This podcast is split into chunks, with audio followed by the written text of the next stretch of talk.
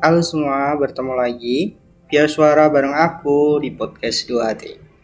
Kali ini aku mau ngobrolin soal perayaan jatuh cinta. Pasti teman-teman banyak dong atau pernah ngerayain atau merasakan jatuh cinta. Langsung saja aku mulai ceritanya. Aku pernah mendengar kata-kata jika kamu menyukai langit, kamu harus suka dengan segala cuacanya. Adalah metamora yang sangat pas untuk menggambarkan perasaanku terhadapmu. Jika aku bisa mengibaratkan kamu sebagai langit, maka aku menyukai semua yang ada dalam dirimu. Seperti perubahan jinggamu yang begitu menakjubkan dari biru yang cerah hingga ungu muda yang memikat. Aku bahkan menyukai saat langitmu berubah menjadi kelabu dan bahkan ketika malam tiba dan membuatnya tampak kelam. Aku tak pernah berhenti untuk menikmati setiap detail dalam langitmu, seperti rintik hujan yang menderu ketika langitmu meneteskan air mata.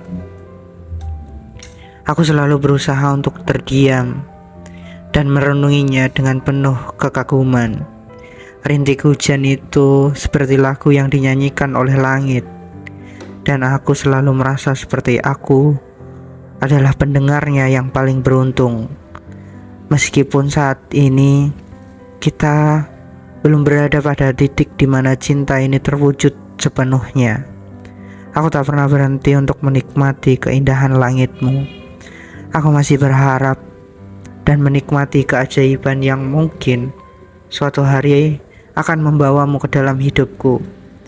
Seperti saat terpaan angin yang terasa dingin, aku akan tetap mendampingi langitmu yang mempesona sambil berharap suatu saat keajaiban akan membawamu padaku. Apakah langit akan selalu indah dipandang oleh penciptanya? Ya, dan begitulah aku melihatmu. Aku tak pernah bisa lelah untuk mengagumimu, karena keindahanmu tak pernah pudar Bahkan ketika cuacanya berubah atau saat malam datang, cintaku padamu adalah seperti cinta pada langit yang selalu mempesona dan tak pernah pudar dan selalu menakjubkan.